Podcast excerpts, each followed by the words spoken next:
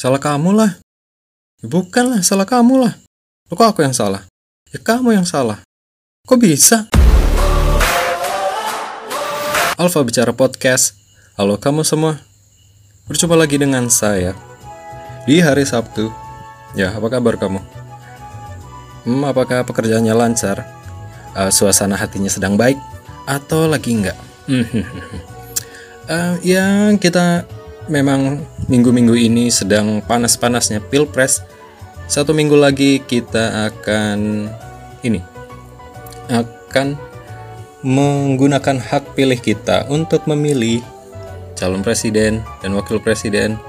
Dan itu apa ya caleg ya? Caleg juga. Anggota DPR DPD dan DPRD ya semoga apa yang kita pilih sesuai dengan apa yang kita yakini sebelum memilih itu uh, berdoa dulu. Meminta apa ya? Meminta meminta petunjuk dari yang maha kuasa asik. Mm -mm dan minggu-minggu um, ini cukup ada yang bukan ada malah banyak sekali yang sedang hangat atau jadi pergunjingan atau perbincangan warganet. Ya bisa dibilang uh, di luar dari soal pemilihan presiden dan wakil presiden itu yang akan dipilih nanti tanggal 17 April. Ada juga ini info pendiri WikiLeaks Mas Julian. Mas Julian. Mas Julian ini ditangkap sama pemerintah Inggris. Lalu ada temuan ini.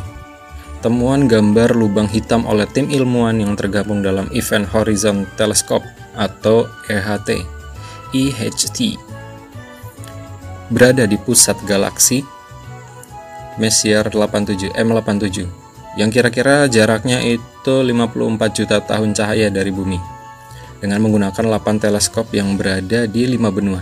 Uh, temuan ini ini cukup membuat ini ya takjub dan gempar untuk beberapa orang sih. Ada yang biasa aja, tapi membuktikan kalau um, pendapat atau hasil dari teori Einstein itu benar. Bisa jadi ya, saya nggak tahu Lalu ada dua tahun kasus novel Baswedan ya. Seperti yang kita tahu, sudah dua tahun kasus penyiraman air keras novel Baswedan ini tidak ada titik temu dan tindak lanjut dari pihak pemerintahan ataupun kepolisian. Sehingga waktu kemarin tanggal 11 tanggal 11 itu KPK mengadakan acara untuk memperingati itu.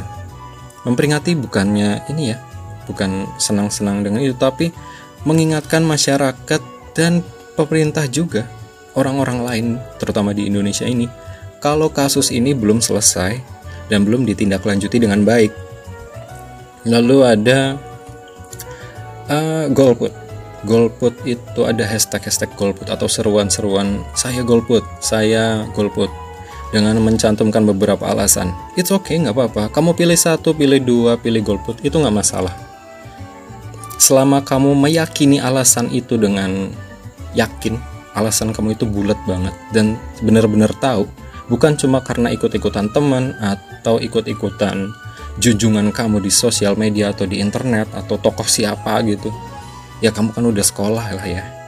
Bisa berpikir. Ya gitu. Uh -uh. lalu apa ya? Ada ini yang yang anget banget dan bisa jadi ini adalah perpinjang perbincangannya pergunjingannya ini bisa panjang yaitu kasus Audrey. Audrey ini sampai bikin hashtag itu loh. Jadi kurang lebihnya kak maaf kalau salah. Jadi kasus Audrey itu diduga muncul dari tweet di Twitter yang menceritakan kasus Audrey ini kalau dia itu disiksa oleh anak-anak anak-anak SMA gitu perempuan. Lalu uh, di tweetnya itu dicantumkan info kalau disiksa dimasukkan ke keranjang lalu dipukul lalu di apa ya yang membuat luka alat vitalnya seperti itu. Jadi menyita ini empati dari warganet sangat besar hingga ada public figure dari ini public figure Indonesia maupun mancanegara juga menyuarakan untuk justice for Audrey. Tapi makin ke sini makin ke sini ternyata ada temuan baru karena info atau hasil dari pemeriksaan polisi menunjukkan bahwa apa yang diinfokan atau tersebar berita yang tersebar di um, internet itu atau sosial media, Twitter, Instagram itu tidak sepenuhnya benar. Seperti seperti luka di ininya, di tubuhnya atau di kemaluannya seperti itu. Ya, saya belum meneliti, meneliti lebih jauh, tapi muncul hashtag baru malah. Hashtagnya itu apa ya? Audrey belum tentu benar atau apa sebagainya. Jadi um, agak ini sih, agak disayangkan kalau ya bukan disayangkan juga sih. Alhamdulillah mungkin kalau tidak sampai penyiksaannya itu seperti itu, tidak sampai menyiksa alat vital dan lain-lain atau dipukul itu sih bersyukur nggak sampai ke situ. Tapi yang disayangkan adalah apabila ini tuh terlalu hiperbolis atau dilebih-lebihkan.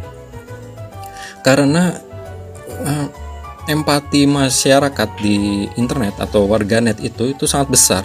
Jarinya itu sangat reaktif sekali untuk menyebarkan berita-berita, baik itu berita yang suka, duka, atau lucu-lucuan atau yang serius, biasanya memang seperti itu.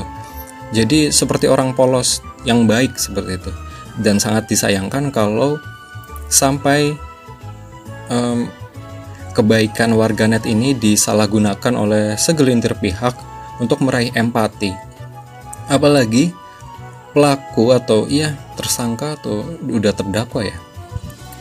Pokoknya udah masuk ke ini deh kantor polisi. Apalagi mereka itu masih SMA masih sekolah. Uh, jari-jari warganet saya sempat nge-retweet dan nge, ini sih nge-like postingan yang memberitakan hal itu. Tapi saya nggak sampai meng ini nggak belum sampai berpendapat atau beropini atau me-sharing gambar ini justice for Audrey itu karena entah kenapa saya masih ragu seperti itu. Lalu yaitu uh, teman-teman di warganet warganet itu teman-teman warganet itu mungkin tidak sepenuhnya salah karena mereka berempati mungkin geram ya. Geram dengan kok ada berita seperti ini? Kok bisa sih kayak gini? Tapi ternyata kalau memang tidak terbukti ya kita kena hoax masa lagi dong ya karena ini tindak tanduk kita akses informasi semakin cepat, semakin cepat didapat, semakin cepat dibuat berita itu, semakin cepat untuk dibagikan. Itu dan dan ini kuncinya siapa aja bisa membuat berita sekarang. Jadi untuk mengecek perlu ketelitian khusus dari individu masing-masing warganet tersendiri. Apakah ini benar ataukah ini salah? Uh, seperti trade mungkin Twitter please do your magic itu juga ya semoga sih itu bener ya. Karena itu masuk ke donasi. Ya ya jadinya saya berprasangka apakah semua yang ini ya yang yang menimbulkan empati itu dimanfaatkan untuk meraup keuntungan beberapa orang seperti itu. Jadinya kan kita jadi susah untuk percaya sama orang lain ya dan itulah warganet itu termasuk saya juga ini terlalu cepat untuk menyimpulkan dan overreaktif. Seperti kasus ini lagi waktu kemarin-kemarin ini yang baru uh, seorang stand up komedian bernama Panji Pragiwaksono mengupload sebuah pertunjukannya sendiri. Uh, beatnya beat beat stand upnya itu tentang hewan hewan gembel. Ada cicak di situ ada tikus ada kucing Lalu beberapa hari kemudian itu muncul apa ya surat terbuka dari beberapa orang atau kelompok pecinta hewan mungkin. Itu langsung e, menunjukkan ketidaksetujuannya terhadap kalimat yang diucapkan benci banget sampai ke dalam hati atau apa gitu atau hewan gembel atau kucing seperti itu. Di mana ya itu tidak semua orang merasa tersinggung walaupun pecinta kucing tapi jari-jari netizen itu dalam reaksi info atau surat terbuka itu yang tadinya ayam-ayam aja karena ada satu yang jadi kompor akhirnya kebakar semua. Yang mungkin bukan pecinta kucing atau yang mungkin bukan terfokus sama hmm, perlindungan hewan atau apa seperti itu. Tapi karena ini dompleng aja dia berpendapat lalu menghujat satu sama lain lalu sudah keranahnya personal anaknya si stand up komedian ini juga diserang juga gitu. Akhirnya karena semakin mudah untuk berpendapat akses informasi semakin mudah semakin ini juga semakin bias juga itu benar atau salah karena tingkat ketersinggungan orang lain itu beda-beda. Ada yang memang tersinggung sangat mudah untuk tersinggung atau disentuh hatinya atau amarahnya ada yang enggak ya kan jadinya susah juga ya katanya bebas untuk berpendapat atau berbicara tapi uh, sesekali kita itu lepas ini ya menyimpulkan sesuatu lupa dan terlepas dari konteks orang tersebut mengungkapkan atau melontarkan kalimat itu dalam konteks apa. Ya, tapi saya kemarin juga melihat videonya untuk klarifikasinya orangnya itu, stand up komediannya itu dengan kelompok pecinta hewan itu. Dan sepertinya mereka sudah clear.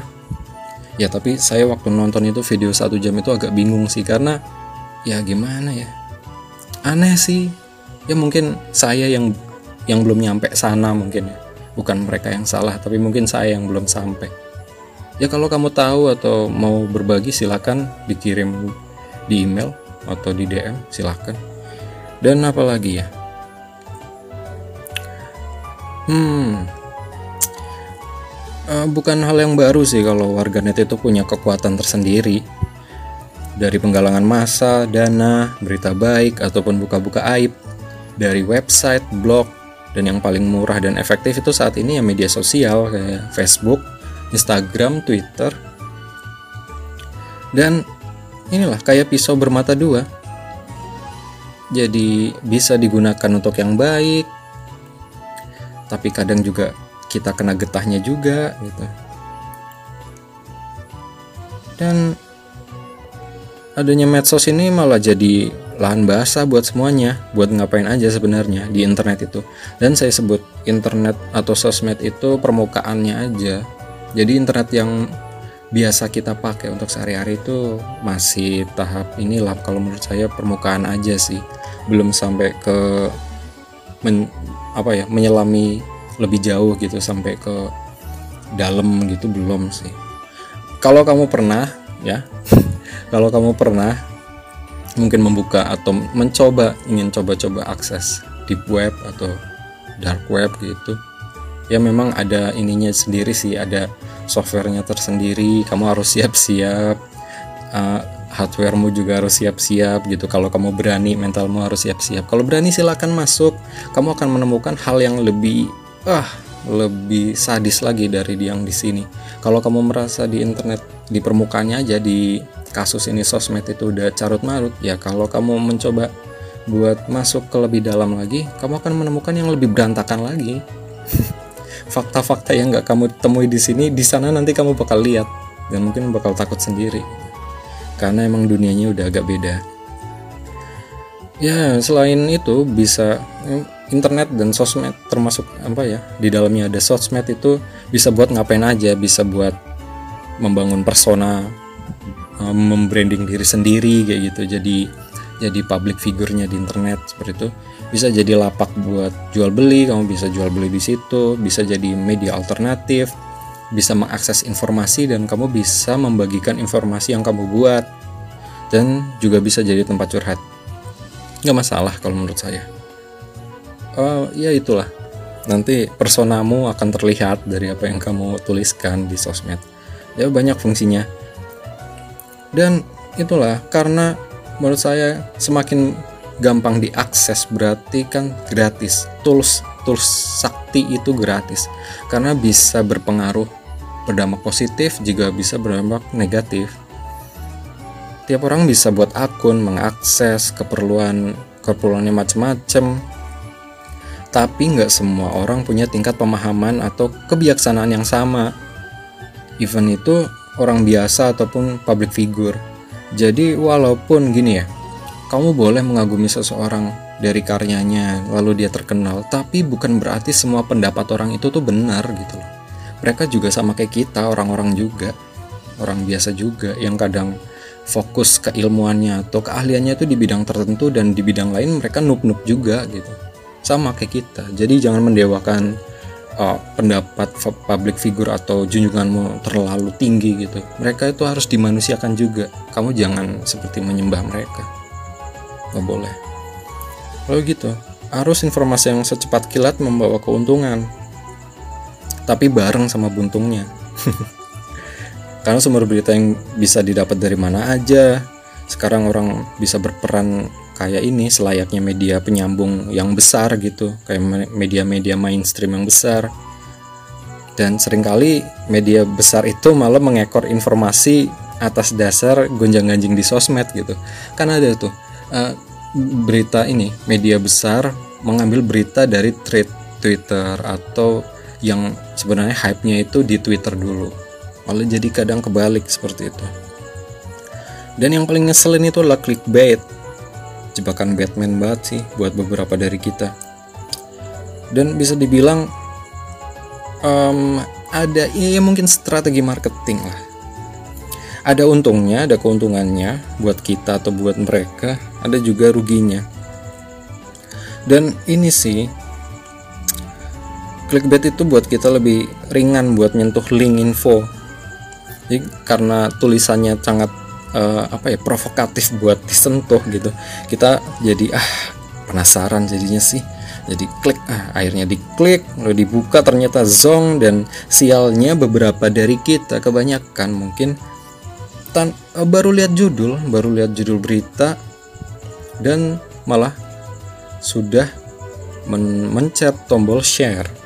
Sudah dibagikan ke orang lain. Padahal belum di ini belum diperiksa dulu beritanya itu benar atau enggak isinya seperti apa kalimatnya seperti apa. Seringkali di judul itu berbeda dengan isinya. Beberapa media mainstream in, di internet yang aktif di internet kadang tuh ini juga sih bangke juga. Nulisnya apa beritanya nggak ada gitu loh dan itulah. Ruginya tuh kita bisa salah paham persepsi kita salah. Jadinya kita berprasangka buruk sama yang diberitakan gitu. Lalu kita juga bisa ini ya akhirnya itu udah suzon dosa kan berarti.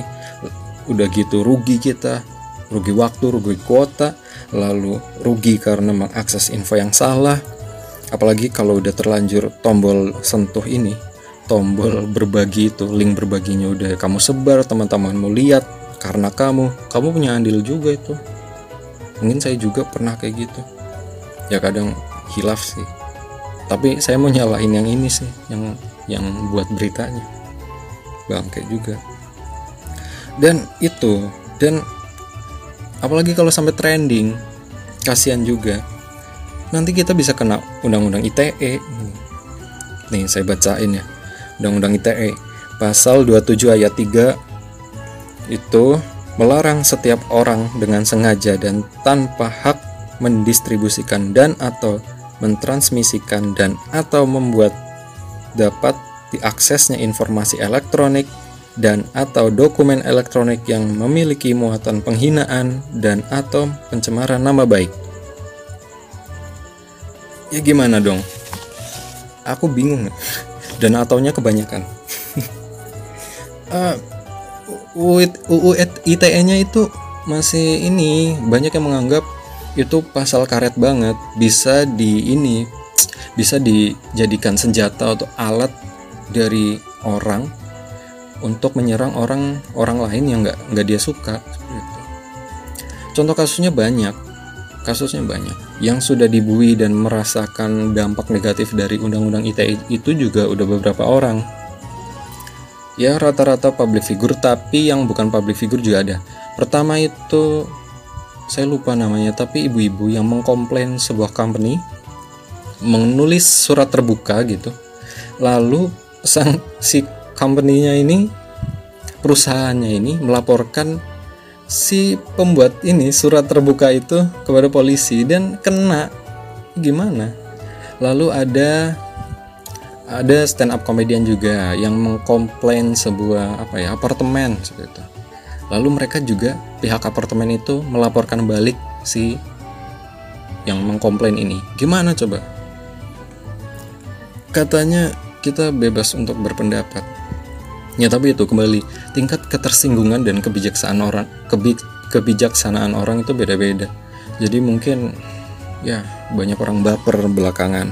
Atau udah dari lama sebenarnya kita itu orang atau kelompok orang yang sebenarnya baperan lalu kita seolah-olah dikasih akses pisau atau senjata karena dendamnya udah terpupuk lama akhirnya kita bebas merasa ah saya serang semuanya saya serang gitu karena mungkin beban hidup yang ini beban hidup yang butuh pelampiasan akhirnya larinya di internet.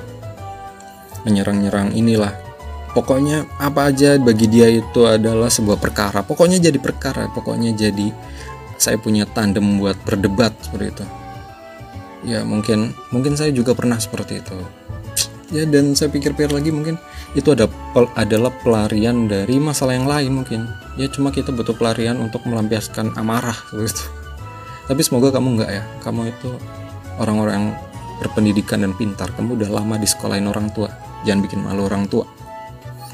Dan itulah tadi kan beberapa orang emang udah meragukan meragukan keefektivitasan undang-undang ini. Karena beberapa pihak juga udah terjerat itu tadi ada beberapa public figure dan orang biasa. Akses info yang mudah cepat tapi nggak dibarengi sama kebenaran atau reliabilitas info. Kayak dapat makanan tapi ini komposisinya kita nggak tahu udah basi apa belum tapi dapat dari mana juga nggak tahu tapi harus dibagi lagi gitu. Kita kita pengen bagi lagi tapi nggak jelas barang kita pegang ini apa. Dan itulah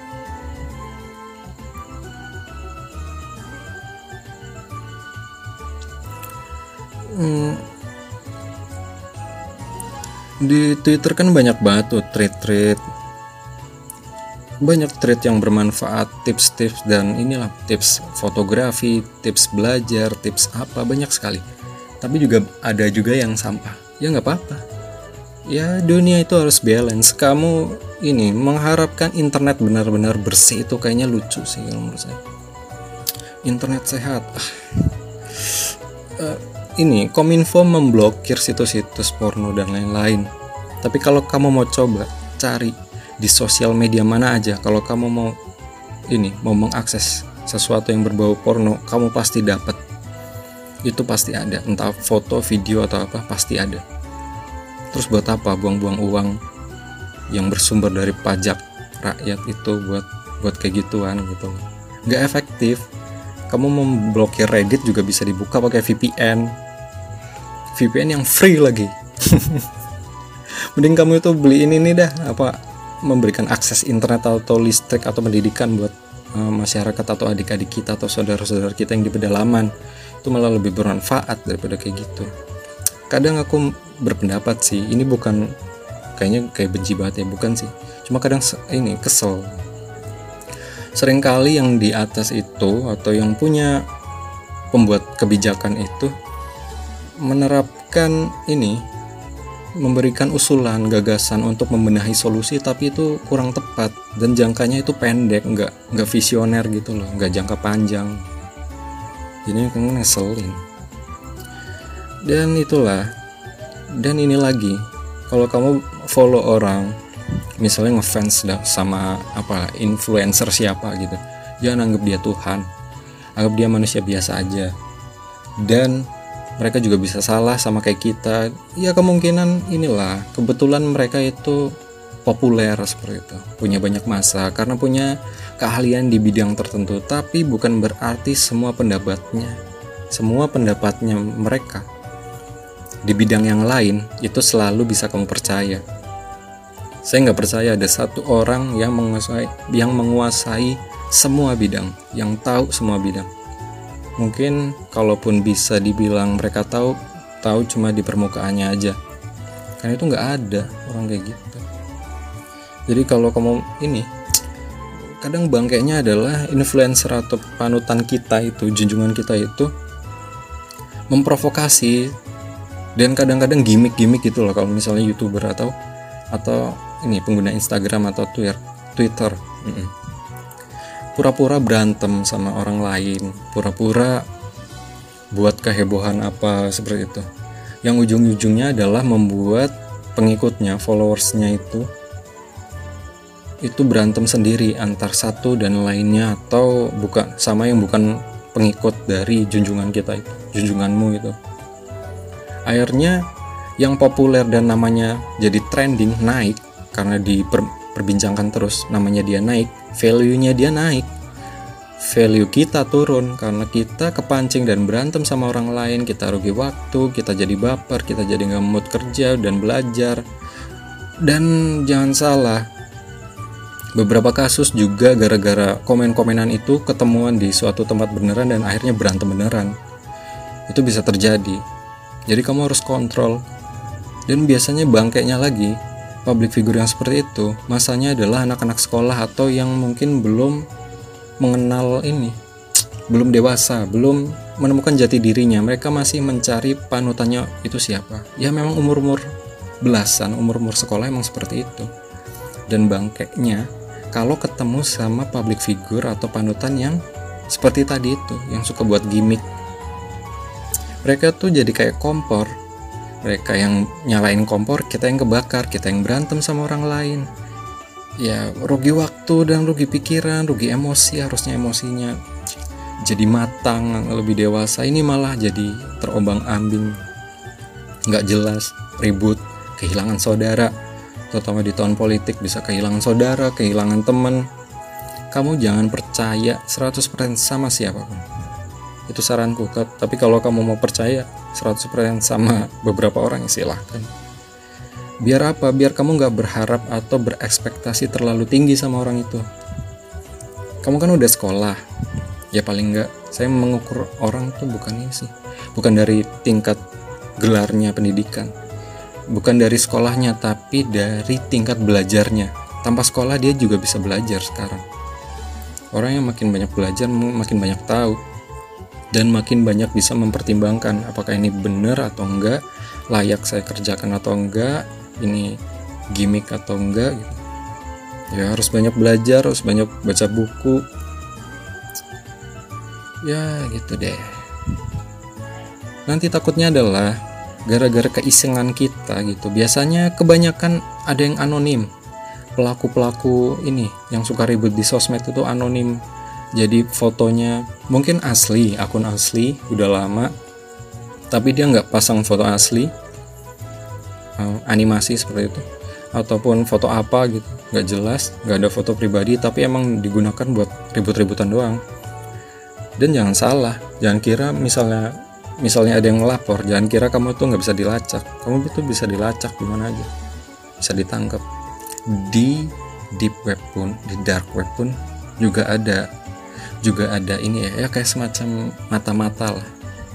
Jadi misalnya kita ada ya ada ada transaksi senjata di situ ada transaksi yang aneh-aneh. Jangan jangan kira nggak ada di ini. Jangan kira nggak ada dalam pengawasan polisi. Polisi tahu karena dia punya ini juga tim juga. Jangan salah. Polisi itu hebat sistemnya hebat. Jadi jangan jangan kamu kira setelah kamu head speech atau uh, komen yang nggak enak gitu bikin orang nggak enak yang emang bener-bener konteksnya dan dan ditujukan kepada orang itu buat nyakitin orang itu ya. Itu jangan kira kalau misalnya orang yang lapor ke polisi kamu nggak bisa ditangkap kamu bisa didetek tempatmu sekarang mengakses internet bisa kamu kena. Makanya hati-hati kontrol emosi. Curhat nggak apa-apa sih. Kalau kamu mau curhat persetan lah bucin-bucin apa itu kau bebas mengungkapkan pendapat. Terserah tapi ya itu ada batas dan standarnya apa ya? Uh, inilah bordernya ya batasnya itu. Kamu nggak boleh ini nggak boleh itu. Kayak tadi kan undang-undang ITE itu. Repotnya nanti kalau dipanggil polisi dan kemu kebetulan kamu belum ini belum mentas dari orang tua dan kamu di penjara gimana? Masa depanmu jadi tambah susah. Dan ya bagaimana hari ini kamu orang cenderung gampang sih buat ini buat uh, berkata yang biasanya nggak mereka ungkapkan di dunia nyata. Kalau kata teman saya itu bro hivi itu pusikat pengecut setengah mati. Gitu. kalau kata dia waktu di podcast itu. Ya biasanya seperti itu sih. Kalau di dunia maya itu sangat rajin sangat ini sangat suka untuk mm, mau ini oh kamu ini titit banyak kata-kata kasar itu seperti itu. Kalau nggak dia mengikuti junjungannya ya berarti emang dia biasanya di dunia nyata itu pusikat saya kadang seperti itu sih. Kelepasan dulu. Waktu SMA lebih parah. Ya itu mungkin ya salah satu pelepasan emosi seseorang. Ya karena kita udah masuk ke eranya sosial media internet. Tapi mungkin beberapa tahun ke depan akan lebih baik. Semoga. Semoga akan lebih baik. Karena konten yang baik-baik itu yang bagus-bagus sekarang banyak. Terus yang mengedukasi atau yang membagikan informasi yang bermutu juga banyak termasuk kamu. Ya semoga lebih baik lagi. Dan semoga hari Sabtu kamu menyenangkan. Semoga pacaran gak malam minggu semoga apa lagi ya semoga yang baik-baik selalu menaungi kamu dan saya ingatkan Ya, informasi ini cuma pendapat, kamu boleh setuju boleh tidak. Dan silakan kirimkan cerita atau kritik dan saran informasi dan lain-lain ke email di alfabicarapodcast@gmail.com atau kamu bisa follow Instagramnya di Alfa Podcast di halaman Facebook juga ada di Alfa Bicara Podcast. Silakan berbagi dengan teman-teman di sana tips atau ini deh saya mau tanya uh, bisa nggak kasih saya referensi buku. Ya, referensi buku. Ya, siapa tahu kamu seseorang yang punya selera buku yang unik gitu. Saya pengen tahu dan biasanya kamu itu membaca apa gitu. Berbagi. Saya lagi pengen berbagi. Masa saya terus yang berbagi? Nanti saya habis nih. Gak ding. Dan itulah. Ya, semoga harimu menyenangkan, happy weekend. Dengan keluarga, dengan pacar, dengan istri, dengan suami, dengan siapa aja. Dan itu ingat hati-hati. Nanti kena undang-undang ITE dan silakan memilih di 17 April nanti silakan memilih sesuai hati nurani kamu. Silakan berdoa dulu semoga nggak salah pilih. Dan jangan lupa dikirim tadi emailnya. Dan di subscribe ya di subscribe ini channel YouTube-nya di Alfa Bicara Podcast dan ya saya pamit dan Alfa Bicara Podcast signing out Alfa Bicara Podcast. Happy weekend everybody. Kembali lagi bersama saya uh, di hari Sabtu. Hari Sabtu yang yang indah. Ini karena um, uh, ketika ini tanggal kemarin tanggal 17 adalah hari pencoblosan lalu esoknya adalah Paskah, lalu ini Sabtu, lalu Minggu, liburnya cukup panjang. Hmm, ke mana aja kamu setelah melakukan ini? Menggunakan hak pilih kamu untuk men mencoblos memilih presiden, wakil presiden, dan anggota DPR, DPRD, atau DPD, ya. Um, ada yang sudah mengumumkan ini quick countnya, ada yang mengakui kemenangan, ada yang masih menyuruh menunggu. Ya, kita sepatutnya nggak usah ribut-ribut lagi. Kalaupun ada yang komplain itu hal yang wajar. Tapi panitia yang di bawah itu udah berusaha semaksimal mungkin untuk memberikan pelayanan yang terbaik. Kita tinggal menunggu dan mengawasi. Dan kita kasih support ya, kita harus kasih support dan bagaimana? Apakah kamu merencanakan libur panjang ini dengan bepergian ke luar kota, luar daerah, luar negeri atau luar mana? Uh, tapi kalau saya kayaknya istirahat aja. Ini juga entah kenapa ya. Kok kayaknya saya jadi sering sakit. Ini suaranya juga lagi nggak enak. Sorry kalau agak agak aneh didengar atau bindeng atau serak. Hmm. Oke, okay um, apa ya saya bingung mau bahas apa mungkin kita ngobrol-ngobrol aja sharing-sharing aja hmm gini saya mau buka ini deh sambil buka line today kita sambil buka Line Today. Oh ya, ini apa ya? Ini ada artikel. Artikelnya, 5 alasan kamu nggak perlu terpengaruh relationship goals di media sosial. Ya kan sering sering banget tuh teman-teman kita atau public figure atau orang-orang lain tuh hmm, yang punya pasangan, yang pacaran atau udah nikah gitu, terus mengupload foto liburan berdua atau yang lagi honeymoon atau lagi apaan gitu sering kali itu seperti ini ya meng mengintimidasi kita mengintimidasi kita yang belum punya pasangan gitu. Mereka manas-manasin kita ah sial kita nggak kita nggak punya pacar. Dan di artikel ini uh, menyebutkan kalau kita nggak per nggak perlu untuk ini terpengaruh nggak perlu apa ya mengindahkan seperti itu apa ini saya mau baca ininya tipsnya satu, entah kamu sadari atau tidak, biasanya medsos hanya menampilkan momen-momen terbaik yang bikin kamu mendingan yang yang bikin kamu membandingkan hubunganmu dengan hubungan mereka. Iya, bukan hal yang asing lagi bila orang-orang cenderung memilih foto dengan gestur romantis yang menurut mereka terbaik untuk dibagikan ke media sosial. Dari situlah kita dengan mudahnya mulai membandingkan hubungan milik sendiri dengan milik mereka melalui sebuah foto. Padahal foto mereka hanya menunjukkan kilasan momen bahagia saja, yang mana belum tentu hubungan mereka sebahagia dan sesempurna yang kamu nilai hanya lewat unggahan mereka. Bisa jadi malah sama bermasalahnya seperti hubungan asmaramu. Ya gitu, intinya uh, momen foto di Instagram yang dibagikan itu adalah sesuatu yang belum tentu menggambarkan hubungan itu secara keseluruhan. Tapi kan ya nggak apa-apa kalau mau sharing.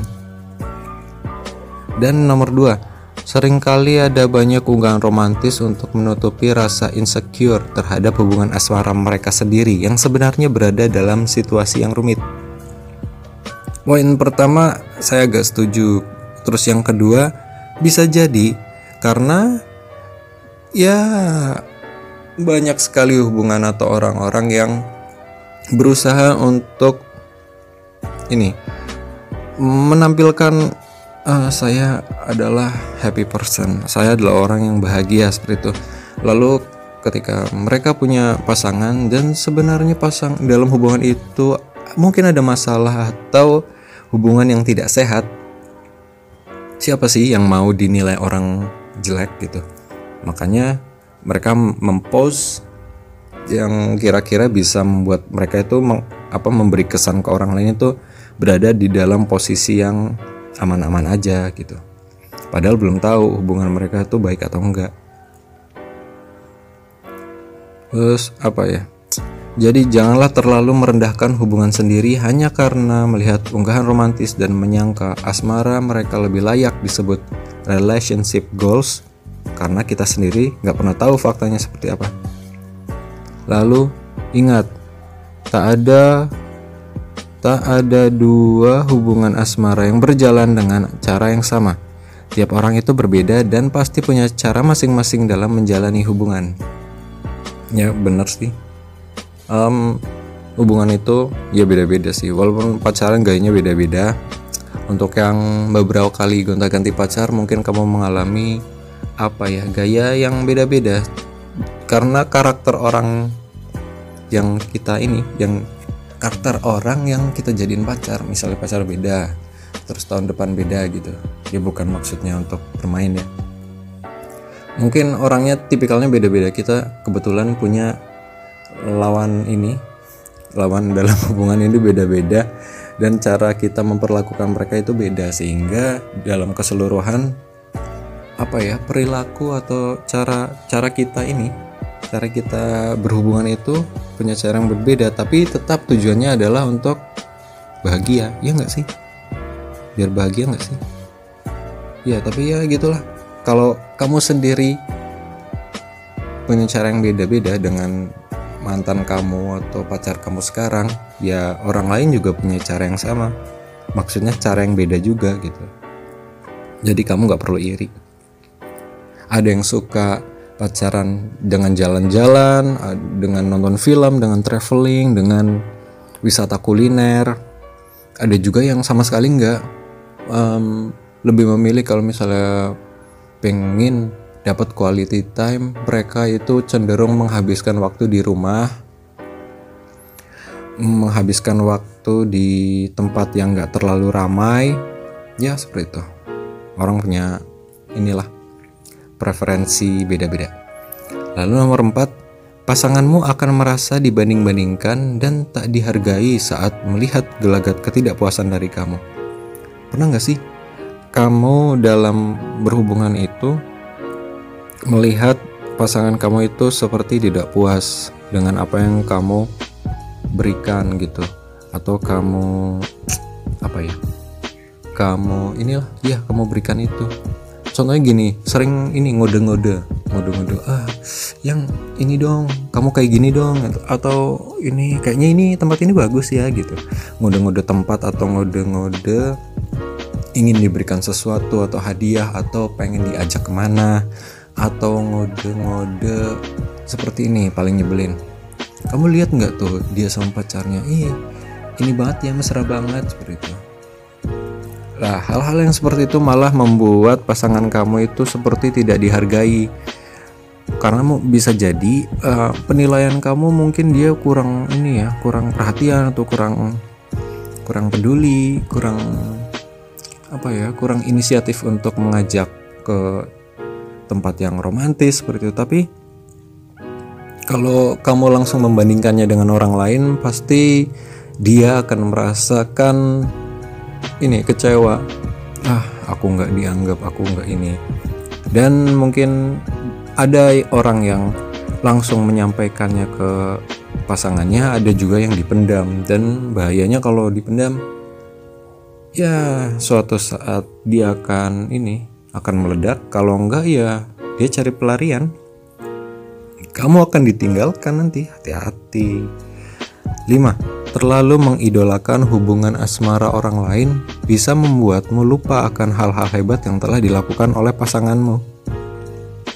Mungkin di Instagram kita melihat uh, seorang pacar gitu laki-laki memberi kejutan surprise gitu untuk acara ulang tahunnya itu dengan sangat mewah.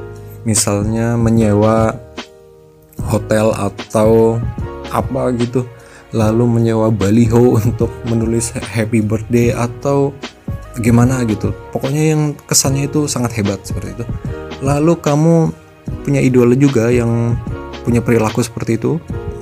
Lalu ternyata pasanganmu nggak terlalu suka dengan hal seperti itu. Ya akhirnya kamu kepengen mendapatkan perilaku apa uh, ini. Sesuatu yang di di ini yang dicontohkan oleh idola kamu itu. Dan itu malah membuat pasanganmu yang seperti tadi jadi agak kecewa dan kamu lupa esensi atau hal-hal momen-momen indah yang pernah kalian lakukan itu mungkin tidak sewah yang dilakukan idola kamu tapi cukup berarti dan cukup dalam untuk kamu atau pasanganmu di dalam hati masih tersimpan seperti itu ya gitu deh Entah kamu menyadari atau tidak, saat kamu terpukau dengan hubungan orang lain sebagai relationship goals, maka kamu pun mulai fokus pada sederet hal yang tidak dilakukan oleh pasanganmu. Ya gitu, jadi membanding-bandingkan. Jadi kesannya pasanganmu itu nggak ada ininya, nggak ada value-nya gitu, nggak ada nilai lebihnya. Padahal ya mungkin sudah semaksimal mungkin dan emang terfokus bukan untuk apa ya hura-hura atau apa gitu. Mungkin pasanganmu sedang mempersiapkan hal yang lebih serius dengan kamu. Kan siapa yang tahu mereka juga butuh nabung ya. Mm-mm. nikahan mahal. Lalu apa ya? Ada banyak berita sih. Rata-rata berita tentang pilpres saya nggak mau ngomongin pilpres males mm -mm apa nih Tahu calon istrinya selingkuh, pengantin pria tega melakukan hal mengejutkan. Ya ini clickbait. Kalau lain today itu saya nggak terlalu percaya 100% tapi bolehlah ya dibaca. lalu apa ya ini viral karena jadi ganteng seusai operasi plastik pria Filipina ini dikabarkan kembali ke wajah aslinya. Lo gimana? Terus apa ya? Jepit rambut 90-an kembali tren. Oke. Okay. mengintip rutinitas harian bos Twitter. Oke. Okay. terus kepribadian. Um, oh ya selamat Paskah ya buat kamu yang merayakan. Apa nih ini kebanyakan inilah bola juga ada. MU kalah kemarin ya dari Barca. Barca sangat bagus. Lalu ada Tottenham yang mengalahkan agregat ya kalah agregat. Mengalahkan Manchester City. Lalu ada Liverpool lah. Sebel sih tapi emang Liverpool tuh lagi bagus banget. Liverpool mengalahkan Porto. Di liganya bagus di ininya juga bagus. Uh, itu deh lalu ini deh. Oh, banyak berita tentang apa ya pengabdian pegawai ini eh pegawai petugas TPS ada yang sampai meninggal beberapa anggota kepolisian meninggal ketua KP, KPPU-nya meninggal juga. Ada yang ada yang gantung diri katanya karena masalah pribadi atau gimana Uh, ya terima kasih sudah memberikan hal yang terbaik dan semaksimal mungkin. Walaupun walaupun ini bukan soal uang ya ada honornya cuma itu nggak sebanding sih sama dengan keikhlasan dalam bekerja. Ya, lo, loyalitas itu sebenarnya harganya tidak bisa diukur dari uang dari materi tapi ya turut berbelasungkawa turut berduka cita semoga arwah arwah yang ditinggalkan bisa tenang ya itu deh. Ya kalau ada apa ya komentar-komentar buruk ya inilah. Ya mohon di bersabar dan fokus bekerja saja. Tidak usah di jangan dihiraukan. Fokus dengan pekerjaan biar cepat selesai dan terlepas dari stres itu. Lalu apa lagi ya? Hmm, hmm, hmm. oh ya sebentar lagi ya Avengers Endgame. Siapa yang udah ini udah beli tiketnya? Aku belum nih. Ntar ah. Oh ya jangan ini jangan jangan baca-baca artikel tentang Avengers Endgame. Kebanyakan artikel video ataupun apa ya gambar-gambar atau berita-berita itu mending dihindari dulu karena kemungkinan kamu itu jadi nggak tertarik lagi, nggak tertarik lagi sama ceritanya atau malah kemarin tuh ada kabar kalau apa ya kan ini Avengers Endgame ini selalu selalu ini mengeluarkan TV spot apa atau teaser teaser itu sangat sering akhir-akhir ini. Lalu kemarin ada yang meng-share ada yang membagikan sebuah apa? Spoiler malah. Spoiler. Spoiler tentang poin-poin poin-poin kejadian yang ada di Avengers Endgame. Dan itu sangat spoiler katanya. Saya sengaja ini sengaja nggak lihat. Karena kata beberapa orang yang sudah lihat lalu mencoba ini menelaah ya menelaah. Melihat apa ya meneliti lebih jauh atau ini ya me, inilah itulah katanya itu apa ya momen-momen krusial yang ada di film tersebut. Jadi lebih baik dihindari lebih baik kamu nanti nonton ke sana itu nggak tahu apa-apa nggak nggak baca atau mencoba berteori tentang apa yang bakal terjadi di film tersebut. Biar semuanya surprise aja biar semuanya enak aja gitu. Jadi kan ah udah ketebak gitu jangan kayak gitu malah kurang ini ya experience menonton filmnya kurang gitu. Lalu apa ya? Apa ini? Wanita ini nekat kacaukan acara pernikahan mantan pacarnya. Gila gila. Lalu apa lagi?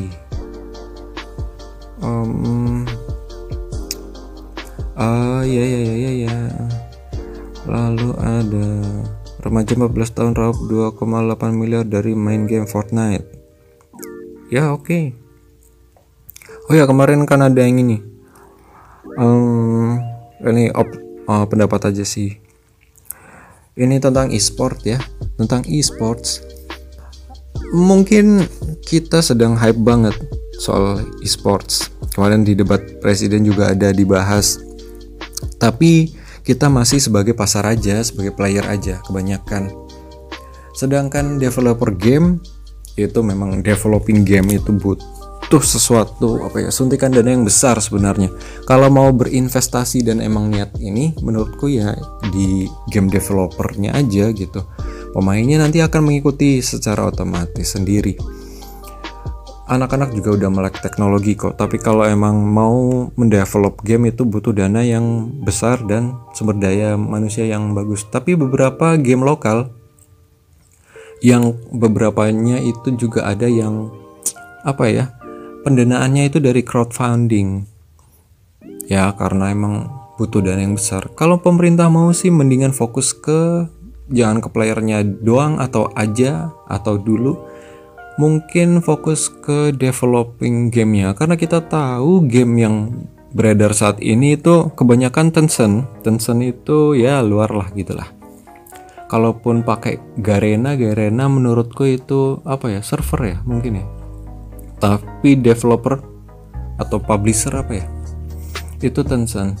Dan itu punya luar negeri. Dan mereka jualan inilah jualan macam skin atau dan lain-lain. Dan uangnya dan keuntungannya juga buat perusahaan mereka. Sedangkan kita fun aja. Kebanyakan yang fun beberapa jadi atlet. Ya kalau mau fokus untuk memajukan industri ekonomi kreatif lebih baik menurutku. Berpendapat nggak apa-apa dong. Uh, fokus ke developing gamenya. Lalu juga yang asik nih adalah kemarin ada ini film ya film masih berkaitan dengan industri kreatif yaitu keluar trailer apa atau teaser dari Gundala Putra Petir dan Satria apa ya? Pokoknya Gatot Kaca gitu ada dua itu. Yang katanya itu adalah proyek proyek jangka panjang dan besar mau dibikin cinematic universe-nya. Yang aku paling suka yang Gundala sih karena entah itu terkesan deep sekali gitu. Kayak Batman kayaknya jadi kayak Batman atau apa ya? Atau Flash atau apalah itu. Lumayan bagus bagus. Dan katanya mereka juga tidak berfokus cuma di film. Ya filmnya nanti akan berkelanjutan. Ada inilah dibikin universe-nya seperti itu. Lalu mereka juga mau membuat merchandise-nya juga terus komiknya juga lalu katanya mau ada membuat taman bermainnya juga. Pokoknya ini mega proyek seperti itu. Lalu mau ada gamenya juga. Ya bagus. Ya um, proyek itu pasti butuh pendanaan yang besar dan orang-orang yang apa ya yang ahli lah yang ahli di bidangnya yang bisa mengerjakan hal-hal itu.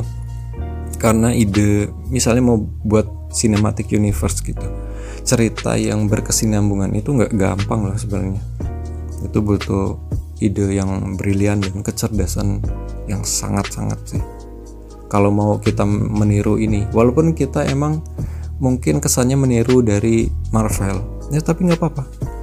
Kalaupun belajar itu harus di tahap mencontoh dulu meniru dulu ya nggak masalah. Nanti pelan-pelan ketika berjalan kita memodif lalu akhirnya kita menciptakan sesuai dengan karakter kita sendiri. Oke. Dan wah sebentar aja deh. Saya juga lagi nggak enak badan lagi sakit terus dan ini radang. Ya, semoga harimu menyenangkan semoga nggak ribet-ribet lagi di sosmed soal satu atau dua atau pose jari. Tapi kritisnya harus tetap ada harus tetap belajar harus tetap kepo untuk cari informasi lebih lanjut. Siapa tahu kan informasi selama ini kita itu bias. Dan harus mau mengakui bahwa pernah salah. Harus bisa mengapresiasi apa yang benar. Harus apa ya? Ya harus belajar terus. Belajar nggak harus di sekolahan bisa di mana aja di tongkrongan. Dan kalau kita merasa sudah mampu atau memiliki ilmu sebaiknya kita bagi ke yang lain karena nggak ada gunanya kalau ilmu itu berhenti di kamu kita bagi ke yang lain. Kalau kita nggak bisa membangun secara masif membangun apa ya peradaban atau budaya negeri gitulah. Secara masif impian impian bangsa atau negara secara masif gitu gerakan yang besar ya kita bisa mulai dari hal yang kecil. Dimulai dari kita diri apa diri kita sendiri gitu. Kita mementaskan diri dulu buat keluar buat belajar lebih dalam lagi buat berbicara lebih ini lagi lebih berisi lagi gitu. Ya lalu kita menyebarkannya atau berbagi ke yang belum gitu. Tapi kita ini menyederhanakan istilah-istilah yang menurut kita itu sulit. Karena kalau kita mau sih bisa atau kalau mau dianggap orang yang pintar gitu bisa banget kita menggunakan istilah-istilah yang aneh-aneh di depan orang yang mungkin belum belum berada di sama inilah sama pengetahuannya sama kita. Kita bisa dibilang pintar tapi uh, menyebarkan ilmu kan apa ya manfaat atau tujuannya bukan kita dianggap lebih pinter tapi ketika ilmu itu bisa diserap oleh orang lain gitu loh.